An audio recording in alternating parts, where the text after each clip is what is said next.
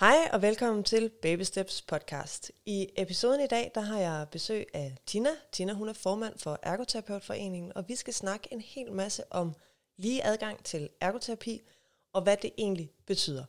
Og øh, jeg glæder mig rigtig meget til, øh, at I får lov til os at møde Tina, fordi hun er faktisk en smadret rar dame.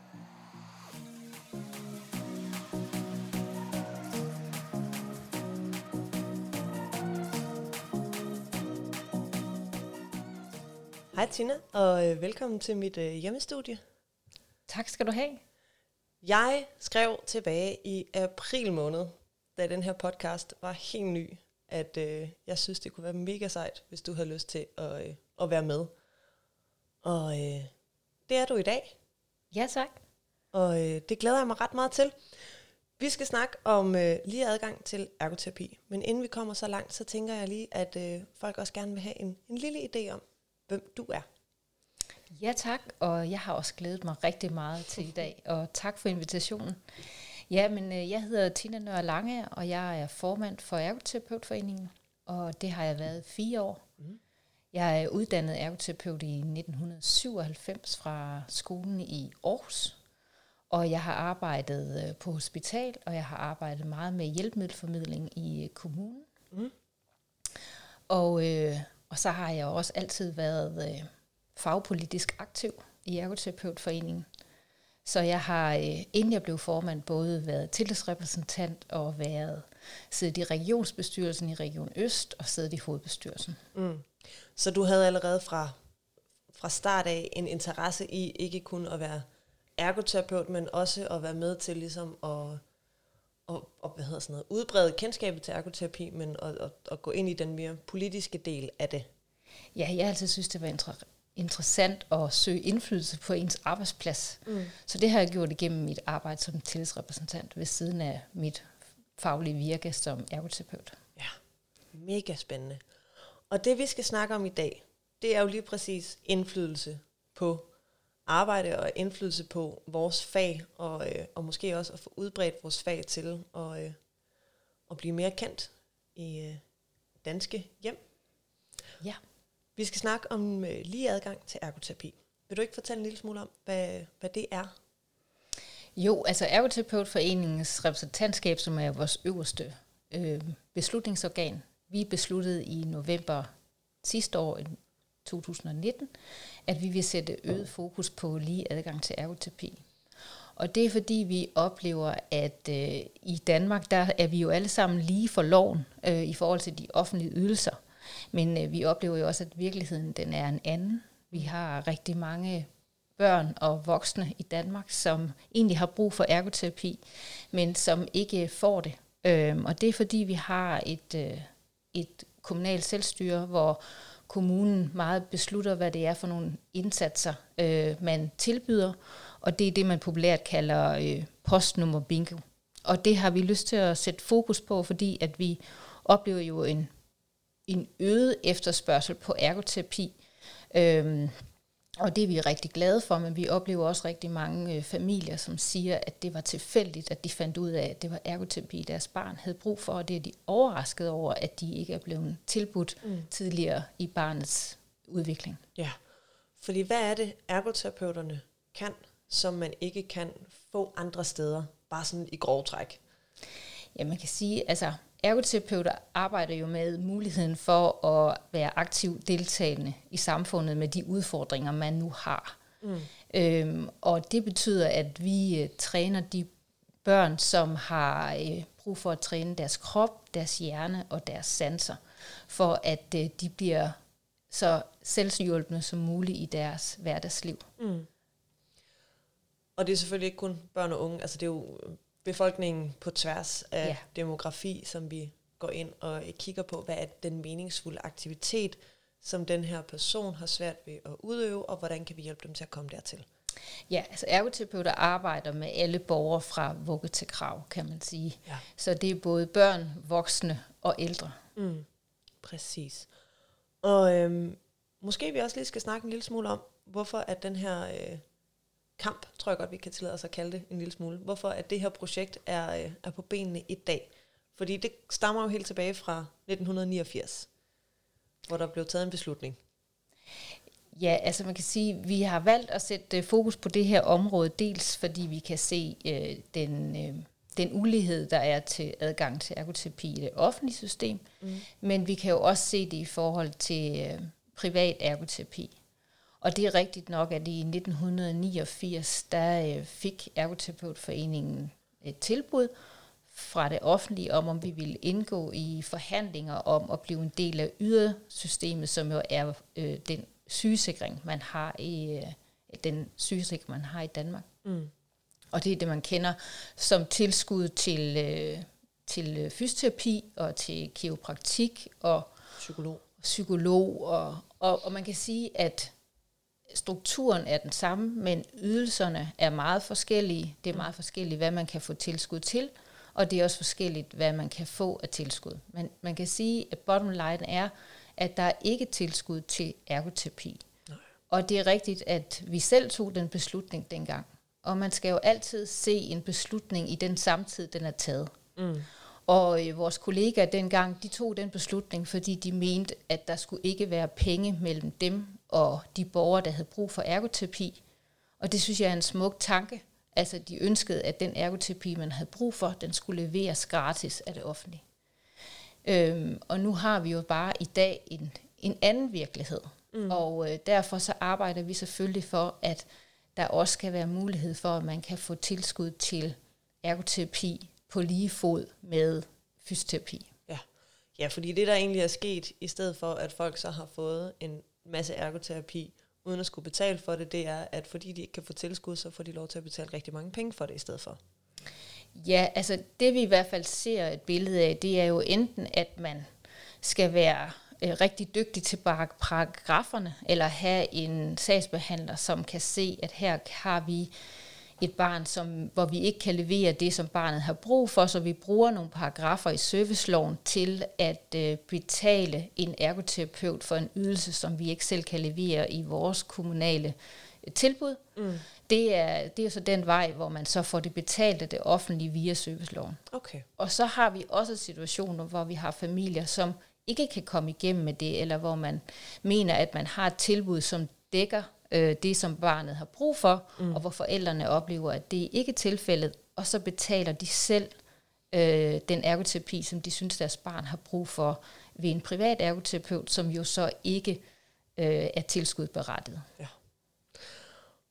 Og jeg ved ikke, hvad tallene for privatpraktiserende ergoterapeuter var i 89, men jeg tænker, at der er flere i dag, som har valgt at, øh, at kaste sig ud i iværksætteriet og blive privatpraktiserende. Er det korrekt? Ja, vi ser en øget interesse for at blive privatpraktiserende, og det er noget af det, vi er rigtig nysgerrige på, også hvordan markedet det ser ud. Mm. Øh, vi kigger lige nu på, om vi skal lave en markedsanalyse, øh, eller om vi allerede på baggrund af, af data, vi allerede har, eller som samfundet kan give os, øh, kan danne os et billede af det. Men noget af det, som vi i hvert fald kan se øh, inden for andre sundhedsydelser, det er jo, at der er kommet en meget øget betalingsvillighed øh, for, for både vores sundhed generelt, men især også, når det gælder vores børn. Så prioriterer vi jo, at, øh, at de skal have, det, have så god øh, en indsats som muligt. Mm. Og, øh, og det er jo der, hvor man kan sige, at det kan godt være, at der er en, en betalingsvillighed, men det giver også en enorm ulighed i sundhed. Fordi mm. det betyder jo, at man skal prioritere sin privatøkonomi i forhold til, at man har et barn med nogle udfordringer, og det mener vi jo ikke er rimeligt. Nej. Så hvad, hvad gør I nu her for så at, øh, at komme i mål med lige adgang til ergoterapi? Vi har et tæt samarbejde med vores klub for privatpraksiserende ergoterapeuter, som jo øh, det er en rigtig god klub. I tak skal du have. De gør i hvert fald et rigtig godt arbejde i forhold til at skabe et netværk for, øh, for ergoterapeuter på tværs af landet, som øh, alle sammen har valgt at være privatpraktiserende. Mm. De fleste af vores privatpraktiserende ergoterapeuter, de, øh, de er kombinatører på den måde, de har en offentlig ansættelse, og så supplerer de det med deres private mm. øh, virksomhed. Mm.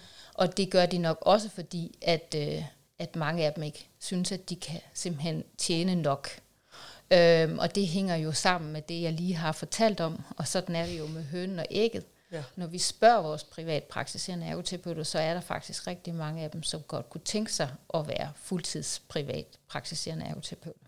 Ja. Jeg er jo en af dem, som har sådan en 10 timer om ugen øh, kontrakt et andet sted, for at være helt sikker på, at jeg i hvert fald hver uge har nogle, nogle faste indtægter. Øhm, og så derudover, så supplerer jeg op med, nu har jeg ikke så mange behandlinger, men har rigtig mange holdundervisninger, ja. øhm, og så er det jo egentlig der, jeg også tjener mine, mine penge. Ikke? Jo. Men jeg tænker også, at hvis man er, er decideret behandler, altså, og man ikke bare lige får folk ind fra gaden, og folk har jo rigtig... Min oplevelse er, at der er rigtig mange, der ikke helt ved, hvad ergoterapi er. Øhm, og at vi også har et kæmpe stykke arbejde foran os, fortsat med at blive ved med at få oplyst, hvad ergoterapeuter er, og at vi ikke bare er ergonomi og øh, arbejdsmiljø, eller øh, gamle mennesker, eller, altså, men at vi er meget mere end det. Øhm, nu tabte jeg tråden, hvad jeg ville sige med det. Hm. Nå, det jeg vil sige med det var i hvert fald, at hvis man ikke, hvis man samtidig med, at man kæmper for at få patienter ind, som kan få en lignende ydelse ved en anden sundhedsfaglig person, som man allerede ved, hvad gør.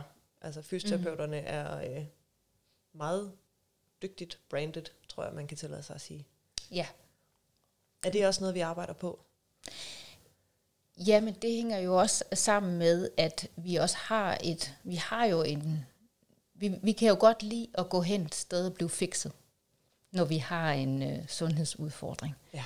Så det handler jo, øh, så, så vi kan jo rigtig godt lide de der behandlinger, øh, både hos fysioterapeuter, hos øh, kiropraktorer, og sådan noget, hvor vi går, eller hen til en læge og får en pille, mm. og så er det ligesom det Fikset. fikset.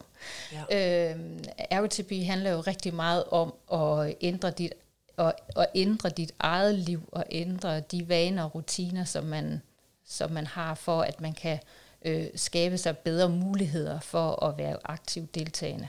Ja. Øhm, og i forhold til, til børn, der, der kigger vi jo rigtig meget på, hvordan vi kan ændre omgivelserne. Altså når vi har et børn med nogle særlige behov, mm. så er det jo vigtigt at sige, at det er jo ikke barnet, der skal laves om. Det er jo omgivelserne, der skal tilpasses barnet. Ja. Og, øhm, og det, jeg tror også hænger meget sammen med, at vi ikke har været så kendte øh, i forhold, det er jo fordi, at vi også skal se, at vi har haft et samfund, hvor når vi havde nogle børn eller voksne med særlige behov, så lavede vi nogle institutioner til dem. Mm. Øhm, hvor der var nogle personaler, som havde rigtig meget forstand på, øh, på deres handicap, og så var de i et beskyttet miljø der. Mm. Øhm, og det, var jo, det gjorde vi jo op med i 80'erne, øh, og har jo udviklet øh, mere og mere, at vi synes, at alle mennesker skal selvfølgelig være en del af vores samfund. Og mm. det synes jeg er en rigtig, rigtig vigtig og god tanke. Øhm, og vi så det jo senest her med inklusionsreformen øh, med folkeskolen. Men som noget, jo gik super godt. Som jo gik super godt, og hvor vi har fået, øh, hvor, hvor vi i hvert fald har fået en, en masse børn inkluderet i den almindelige folkeskole. Mm. Øhm, det man så kan sige, det er, øh, at der er i hvert fald nogle af de børn, som har nogle udfordringer med at, at være i den almindelige folkeskole. Og det tror jeg også hænger sammen med, at folkeskolen overhovedet ikke var givet til den opgave. Mm. Øh, og det er jo der, hvor jeg siger, at, at når vi havde en specialskole, hvor vi havde en tværfaglig sammensætning af personale, som vidste øh, noget om de børns udfordringer, og som kunne også skabe øh, træning og tilpasning af øh, den undervisning, der skulle ske for de her børn, mm. øh, og tilpasse miljøet efter dem så skulle, så skulle vi også have den tværfaglighed ind på vores folkeskoler i dag. Ja. Øhm, så derfor tror vi jo på, at vi som fag kan bidrage rigtig meget til at understøtte den undervisning, som lærerne øh, har en kæmpe opgave med at, at klare i dagens folkeskole, med nogle børn, som har øh, forskellige behov, og som nogle af børnene også har nogle modsatrettede behov. Mm. Øh, så, så det er jo en, øh, en spændende udfordring, som vi rigtig gerne vil bidrage øh, med. Øh, og vi, vi tror jo på, at ved at vi kom ind og kunne observere, hvad der foregår i fællesskabet i klassen, mm. øh, så vil vi også kunne give øh, underviserne en, nogle redskaber til at magte øh, den undervisningssituation, som de har med de børn med særlige behov. Ja. Fordi det, der egentlig mange steder skete, var, at øh, der bare blev åbnet for døren, og blev kørt nogle ekstra borer ind, ja. og så var der inklusion. Øhm, og måske nogle undervisere, som ikke helt var gearet til, og havde, altså, havde den faglige baggrund, som de egentlig skulle bruge for at kunne se bag ved aktivitetsproblematikkerne, øh, og hjælpe de her børn til at være en del af det. Og så igen, som du siger, omgivelserne, var de egentlig tilpasset i det her klasselokale, til at de her børn, som vi gerne vil inkludere, at de rent faktisk også kunne aktivt blive en del af et klassemiljø. Ja, og, og, og, og det hører vi jo også fra rigtig mange øh, forældre, som har børn med særlige øh, behov, som jo kan være vidt forskellige, øh, både fysiske og øh, sensi, øh, både fysiske handicap og børn med sensible udfordringer, at det er jo meget, meget forskelligt, hvordan at skolerne de ligesom øh, magter den opgave. Mm. Øhm, og så tror jeg også noget af det, som, som jo også er meget øh, sigende for, for samfundet i dag, det er jo, at vi også med de sociale medier har fået skabt en platform, hvor forældrene de kan tale sammen på kryds og tværs, ja. på tværs af landet. Øh, og vi, hører jo, vi ser jo mange, mange eksempler på en mobilisering, som jo også udfører, udfordrer det, øh, den traditionelle tilgang, hvor man gik hen på kommunen og bad om hjælp, og så accepterede man det for svar, man fik. Ja. Øh, og øh, det ser vi for eksempel i øh, indsatsen omkring øh, en million stemmer, som jo er blevet en... Øh, en hvad siger, bevægelse, som jo arbejder for, øh, for bedre vilkår for, for mennesker med handicap. Mm. Øhm, og, øh, og, og de har jo virkelig fået sat øh, forskellen på postnummer bingo øh, på spidsen. Ja. Øh, og det synes jeg er rigtig interessant at se, hvordan de skubber til, til øh, socialpolitikken i Danmark. Ja, og det er jo, altså, det er jo mega fedt, at der er nogle forældre, som har overskuddet og, og de ressourcer, som det kræver at være med i sådan en bevægelse og kickstarte sådan en bevægelse. Men også, at vi har et et samfund nu, og en, og en teknologi nu, der gør, at man lige præcis kan, kan se de her forskelle, og kan, kan gøre noget aktivt selv. Altså det ville da være fedt, hvis vi levede i en utopisk verden, hvor det ikke var nødvendigt, at man skulle råbe vagt i gevær over, at man så nogle ting. Men når nu man gør, så er det jo rigtig fedt, at det ikke kun er personalet rundt omkring, som råber op og siger, at det her det ikke er i orden, men at det også er forældrene og pårørende. Jeg tænker, det er den samme bevægelse, vi så med øh, øh, normeringer og øh, vuggestueforældre, der gik på gaden, at vi har i mange år hørt pædagogerne snakke om, at der er for få hænder, og nu er det altså forældrenes tur til at råbe højt, ikke? Jo, og det er også der, jeg mener, at vi som professionsfaglige skal være stærke til at og så understøtte igen i forhold til ulighed, at vi så understøtter dem, som ikke har de ressourcer. Så det igen ikke bliver dem, som råber højst, som, øh, som man lukker munden på ved at give dem det, de kræver. Ja. Og det synes jeg jo er en udfordring, både i vores sundhedssystem og vores socialsystem. Ja. Og i forhold til, til forældre med, med, med børn med udfordringer, der, der er det jo også komplekst, fordi der er jo ydelser, som er bundet op på sundhedslovgivning, og der er mange øh, paragrafer i serviceloven, hvor man kan se sig selv i, og så er der jo også øh, folkeskoleloven, som også skal stille ting til rådighed, hvis det er i øh, skoleregi. Mm. Og det gør jo tingene også komplekse, og det hører vi jo også tit om, at man skubber bolden rundt. Øhm, og, øh, og det, det oplever vi også som, som ergoterapeuter, at vi er jo nogen, der vi, vi tager udgangspunkt i barnets hverdag, mm. og derfor så, øh, så kan, det være, kan det være svært at finde ud af, hvor er det henne, at, at, øh, at bolden bedst ligger, mm. øhm, og hvordan får vi løst det her. Øhm, og det kalder jo igen på en sammenhæng og en koordination ja. internt i kommunerne. Og jeg har snakket med, øh, med flere ergoterapeuter om det her, også, også i podcasten her, at, at vi som ergoterapeuter godt kan være et lidt blødt folkefærd, øhm, som gerne lige præcis vil det her med lige adgang og sørge for, mm. at alle har mulighed for at få ergoterapi, og egentlig er ret gode til også at få solgt os selv en lille smule for billigt, øh, hvis vi kan slippe afsted med det. Men samtidig med, når vi går selvstændige, er vi jo også, et, vi er også mennesker, der har behov for at få, få mad på bordet. Ikke? Så det er jo også som privatpraktiserende for os hele tiden en balancegang imellem at gerne ville kunne tilbyde vores ydelser, men også at skulle have penge for det, vi laver.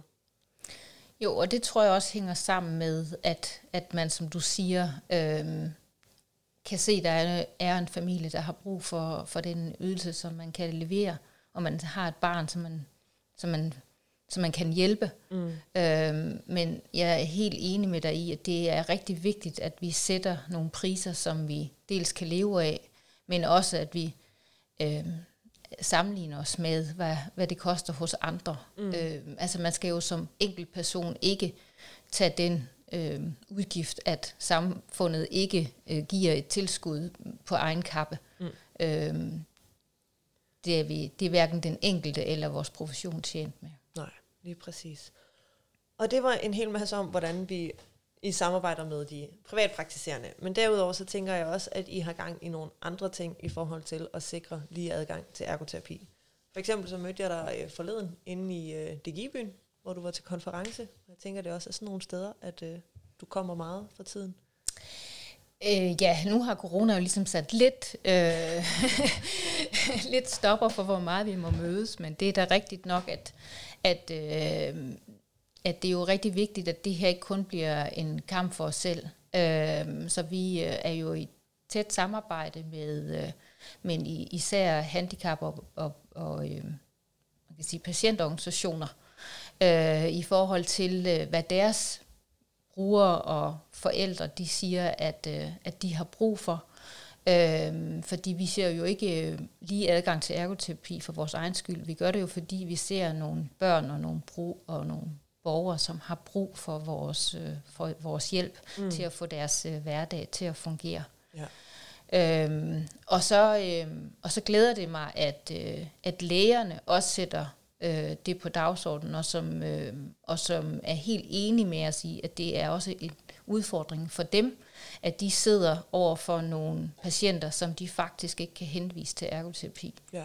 Øh, fordi den mulighed er i dag ikke mulig. Altså mm. de kan... Øh, vi ser gudskelov nogle praktiserende læger, som har et rigtig godt samarbejde med, med den kommune, som øh, patienten bor i, eller barnet, eller borgerne, eller hvad vi taler. Mm. Lægerne, de taler jo meget om patienter. ja, og vi taler om borgere. og vi taler om borgere, og vi vil helst tale om barnet. Men øh, ja. kært barn har mange navne.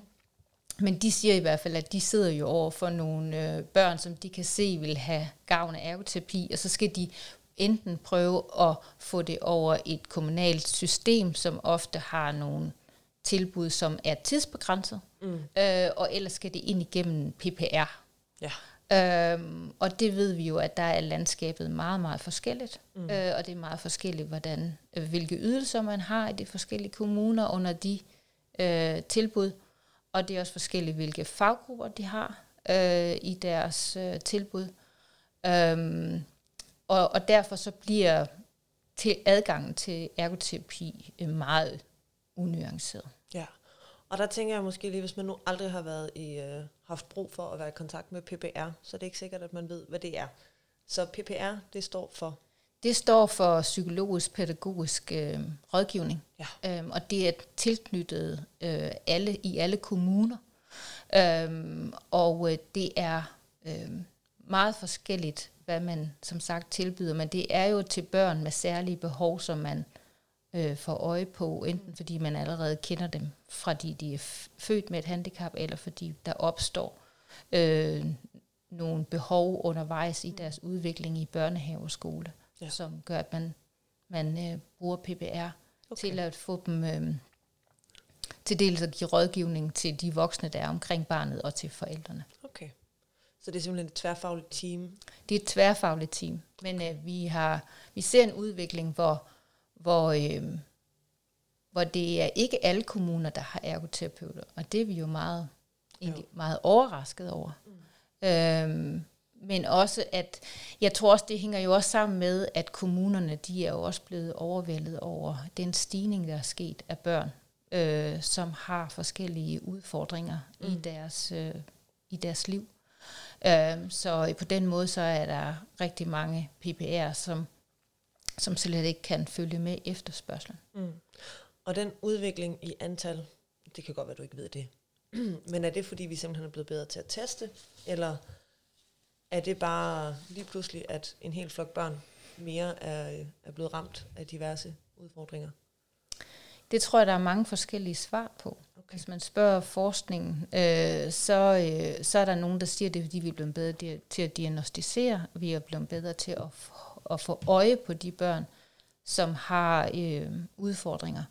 Og så er der også stemmer, som siger, at det har noget at gøre med, at vi har et samfund, som, som sætter meget, meget høje krav til mm. os, øh, som gør, at der er at der er børn og unge og voksne, som faktisk ikke kan kapere de, øh, de krav, ja. der sættes. Og så tænker jeg også, i forhold til den, at vi bliver på i langt højere grad bombarderet af sanse inputs hele tiden, både voksne og børn, øh, i forhold til, hvad man gjorde bare i 90'erne for eksempel. Ja, det er rigtigt. Altså det, det er jo meget sværere i dag at koble af fra indtryk. Mm. Øhm, så så det, det, det er jo, så på den måde kan man sige, at, at man også øhm, som forældre til børn, der hurtigt bliver overstimuleret, så kan det jo faktisk være, være en meget svær øvelse i dag, end det var i 1980, mm. hvor jeg var barn. Og det stiller jo også forældrene et, sted, hvor et, mange af os forældre har også travlere måske, end man havde tilbage i 80'erne og 90'erne, da, da du og jeg var børn. Øhm, men samtidig med også skulle bruge mere krudt på at hjælpe sine børn til at, øh, at kunne være i verden og være i samfundet. At man som forældre i hvert fald også, udover at være ekstra meget på arbejde på sit arbejde, så er man det faktisk også i hjemmet for at hjælpe de her børn, som, som har de her udfordringer. Og det tænker jeg er ret hårdt for familielivet. Jamen, det er jo også noget af det, vi som ergoterapeuter sætter rigtig meget fokus på. Det er jo altså, at man, man er et barn i en familie. Mm. Og, øh, og det betyder rigtig meget, øh, hvilken aktivitetsbalance man har og det, øh, og, og, og i familien. Ja. Øhm, og det, det er jo noget, som vi alle sammen, som du siger, er udfordret af, øh, den her balance mellem hvile, arbejde og fritid. Øhm, og så synes jeg da også, at det er rigtig vigtigt, at vi hele tiden har fokus på, at vi er jo rollemodeller for vores børn, uanset om, øh, uanset øh, deres alder og, og, og om, de, om de har udfordringer eller ej. Mm. Så, øh, så det er da rigtigt nok, at, at, at der er, vi har, vi har et samfund i dag, hvor, hvor vi bliver meget overstimuleret. Mm. Øhm, og det sætter utrolig høje krav til, til os selv faktisk at, at frasortere. Og der er jo også forskere, der mener, at det, det, det er vi faktisk slet ikke i stand til, og det er også derfor, der er så mange, der ikke kan klare det. Mm. Men det tror jeg, at øh, det vil jeg ikke begive mig mere ud i. Det tror jeg, at du skal lave en ny podcast ja. med en psykolog øh, om, fordi at det er rigtig, rigtig interessant. Øh, men det vi i hvert fald som ergoterapeuter ved, det er noget om, hvordan vi kan øh, skærme det, mm. øh, og hvordan vi kan tilpasse øh, både vores øh, aktivitetsbalance og vores øh, omgivelser, sådan så vi, øh, så vi kan kapere at være i det. Ja, ja. lige præcis. Øhm, og så i forhold til det her med at få en henvisning. Hvor er det, man kan få henvisninger fra? Nu har vi været lidt omkring, at lægen kan lave nogle øh, krumspring for at se, om han kan få lavet en henvisning til ergoterapi. Men hvor går man ellers hen, hvis man oplever, at man har et barn, som har nogle udfordringer, børnehavebarn måske. Hvad er processen så i forhold til at få bevilget ergoterapi? Jamen det er, det er via det kommunale system. Okay. Så det, det er, er, det er altså enten via PPR eller øh, via øh, lov om social service. Okay. Og så kan man også øh, komme ud og gå i sådan et øh, ambulant børneterapi for eksempel. Jamen det, det er jo, altså man kan sige, der er jo, der er jo, det er jo så knyttet op på øh, sundhedsloven. Altså i forhold til, hvis man har et barn, som er knyttet til et hospital. Mm. Fordi så er man under serviceloven, eller undskyld, under sundhedsloven. Mm. Øhm, og så har man øh, mulighed for at få, øh, at få en genoptræningsplan, hvis det er det, som, som øh, hospitalet de, øh, ser, man har brug for. Øhm, og ellers er man jo over i, hvis, hvis det handler om... Øh, om øh, børn med, øh, med psykiatriske øh, udfordringer, så er det jo igennem psykiatrien, mm. børnepsykiatrien. Ja, Okay. Og hvad tænker du? Er vi, øh, er vi tæt på? Er vi langt fra øh, at nå jeres mål om lige adgang til ergoterapi? Jamen altså jeg vil sige, at, øh, at i forhold til øh, lige adgang til ergoterapi, i forhold til, til øh, tilskud mm. til privat ergoterapi, der tror jeg, vi er rigtig langt fra mål. Okay. Og det har noget, og det har jo noget at gøre med, at øh, det her det er noget, vi har startet, fordi at det, vi ved, det er et strategisk langt arbejde. Mm. Og, øh, og det er også fordi, der skal man jo også se på, hvad øh, er det for en politisk virkelighed, vi lever i. Øhm, og lige nu har vi i hvert fald en sammensætning i vores, i vores folketing, hvor man kan sige, at vi, vi styrker den, den offentlige velfærd, øh, og ønsker ikke at tale så meget om et øh, privat alternativ. Mm. Øhm, sådan, men når det er sagt, så synes jeg jo også, at øh, det, der er også er væsentligt, det er også at kigge på, hvordan kan vi øge øh, øge, hvad hedder det nu, ens, ensartetheden for, for øh, de børn i Danmark, som har brug for, for et tilbud i den kommunale sektor. Og der arbejder vi jo i Ergoterapeutforeningen rigtig meget for, at vi skal have nogle kvalitetsstandarder så, og nogle kvalitetskrav i kommunerne, mm. øh, så vi bliver stillet mere lige for loven. Okay. Og det er vi tættere på end det andet? Det oplever jeg i hvert fald, at det er der, vi ser en bevægelse, både i forhold til at kigge på en sundhedsreform, men også at, at se på, øh, hvordan vi kan styrke specialområdet, øh, øh, ja, det sociale specialområde. Okay. Ja. Mega spændende. Jeg møder jo indimellem ergoterapeuter, som er ansat i sådan lidt anderledes stillinger. Både en ergoterapeut herovre på skolen lige ved siden af, som er ansat som øh, hjælpevikar eller støtte, støttepersonale Øhm, og lige sådan ergoterapeuter, som er ansat i vuggestuer og daginstitutioner, men som ikke er ergoterapeuter. Sådan går vi lidt off-script i forhold til, hvad vi ellers har snakket om, men kigger man også på, om man kunne lave noget opsøgende arbejde i forhold til at få flere ergoterapeuter ind i de settings, som rent faktisk værende ergoterapeuter, og frem for, at man er en ergoterapeut i en, i en anden position.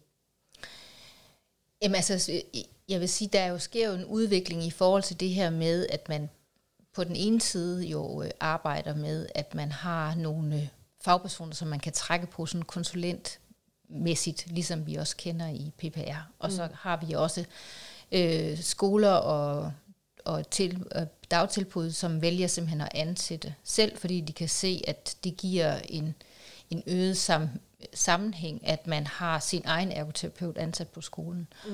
Og øh, det har vi set en udvikling. Øh, den er godt nok lille og spirende, men den er der, og jeg vil sige, det er jo utrolig gode erfaringer, de har mm. øh, med, at man ansætter en ergoterapeut øh, på, direkte på en skole. Mm. Øhm, så, så, så vi ser udviklingen. Øhm, og så er det selvfølgelig at øh, vi jo også er interesseret i, at øh, når vi ansætter ergoterapeuter øh, i almindelige tilbud, at øh, man så også bliver ansat som ergoterapeut, fordi det er jo det, de også har efterspurgt, det er jo den fagekspertise, som ja. man kan øh, levere for at understøtte den kerneopgave, man har på skolen til at undervise børnene. Ja. Øhm, og, og, og den læring, der skal foregå. Øhm, men vi er selvfølgelig også opmærksom på, at vi har ergoterapeuter, som som kommer ind på det her område, øh, er lidt snævre af forskellige øh, knutlede veje, øh, og som desværre også bruger deres, øh, ikke desværre, fordi det er godt, at de bruger deres ergoterapi, men at, at de faktisk bliver ansat som, som hjælpepersonale, som jeg jo synes er øh, øh, mangel på, på øh, forståelse for, at når man kommer og leverer et fagligt stykke arbejde, så skal man jo selvfølgelig også ansættes som ergoterapeut, mm. og, øh, og have den løn, det berettiger, og ikke ansættes som ufaglært. Ja. Især hvis man går ind og laver deciderede øh, aktivitetsanalyser, og, øh, og ja. bruger de undersøgelsesredskaber, som vi har til rådighed. Ja, for det synes jeg jo også er vigtigt, og det har måske bare taget for givet og slet ikke nævnt. Men altså, vi er jo en sundhedsprofession, som har nogle valide redskaber, og det er jo også der, hvor, hvor, vi, hvor vi kan gøre en forskel, fordi vi jo faktisk kan gå ind og lave nogle meget grundige analyser af barnet. Mm.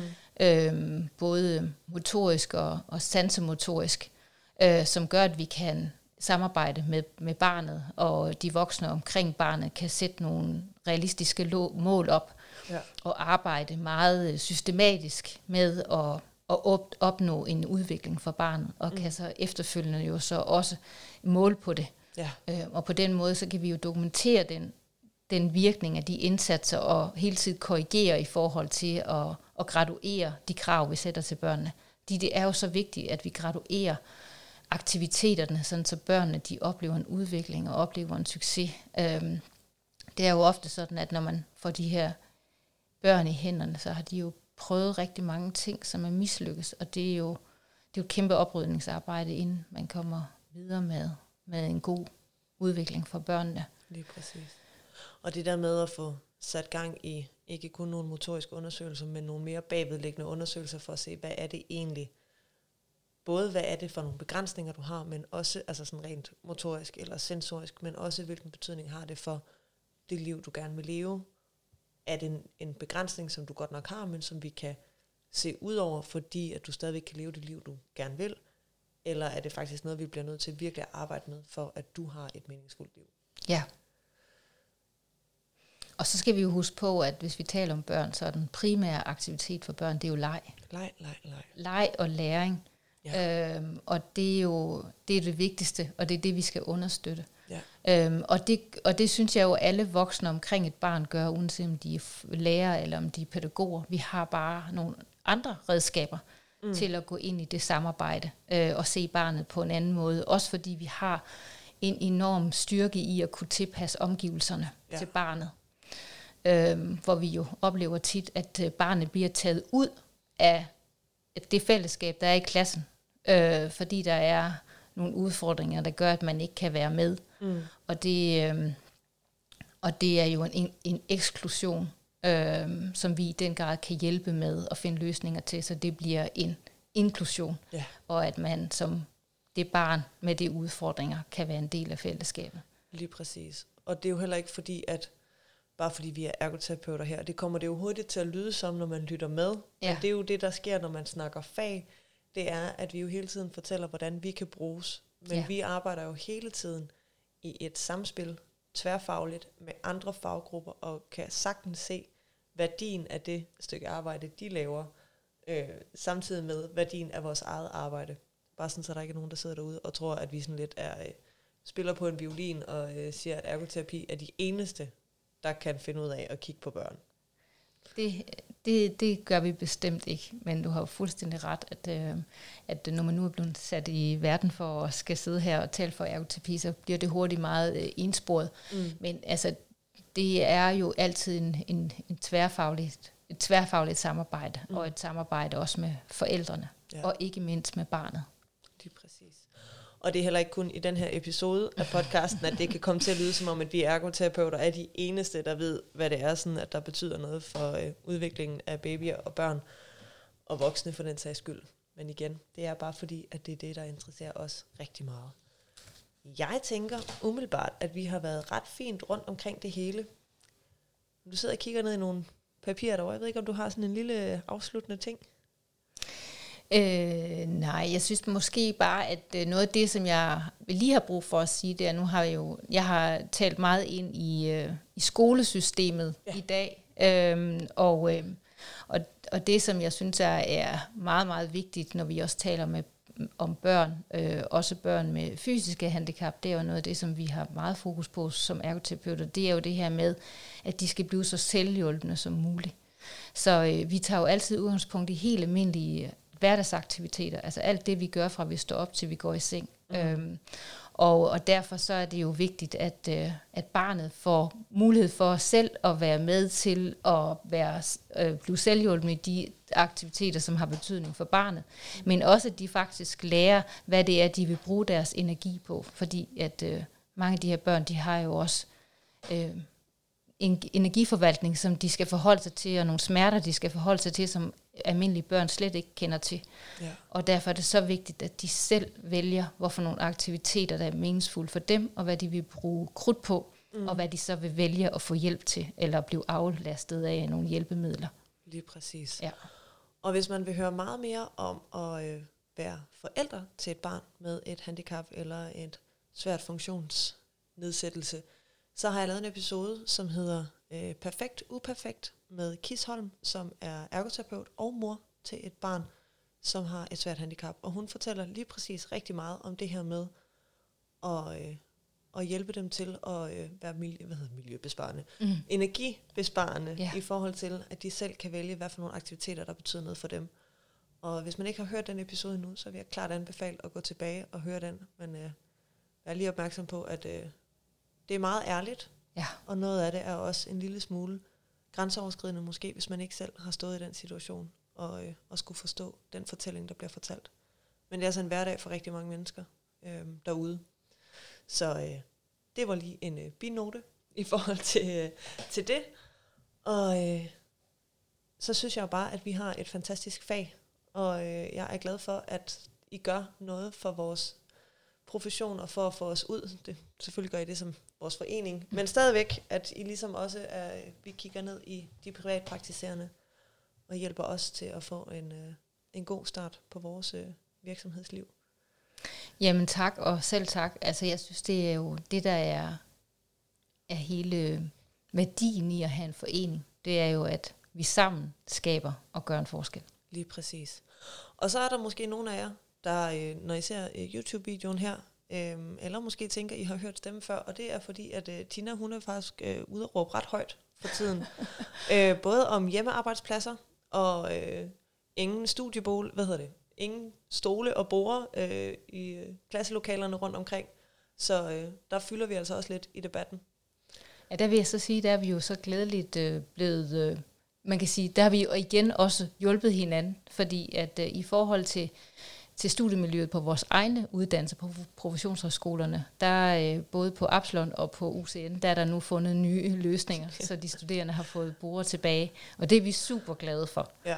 Så har vi et længere træk med Københavns Universitet, men Ja. øh, Og der er jo ikke nogen, der vi. skal fortælle Københavns Universitet, hvordan de skal gøre noget som helst. Så øh, held og lykke med den kamp. Tak skal du have for snakken, Tina. jamen selv tak, det var en fornøjelse, og tak fordi I måtte komme. Ja, og hvis du vil læse meget mere om, hvad ergoterapi egentlig er, så kan du gå ind på Ergoterapeutforeningens hjemmeside. Den hedder etf.dk, og der står der simpelthen side op og side ned om, hvad vores fag og hvad vores profession egentlig kan, og hvorfor du måske skulle vælge at blive ergoterapeut. Hvis du har spørgsmål, enten til faget eller til det, vi har snakket om i dag, så er du som altid velkommen til at øh, sende mig en mail eller en øh, direkte besked på øh, Instagram. Babysteps.dk er det på Instagram. Vi snakkes ved. Tak for i dag. Og vi ses i næste uge.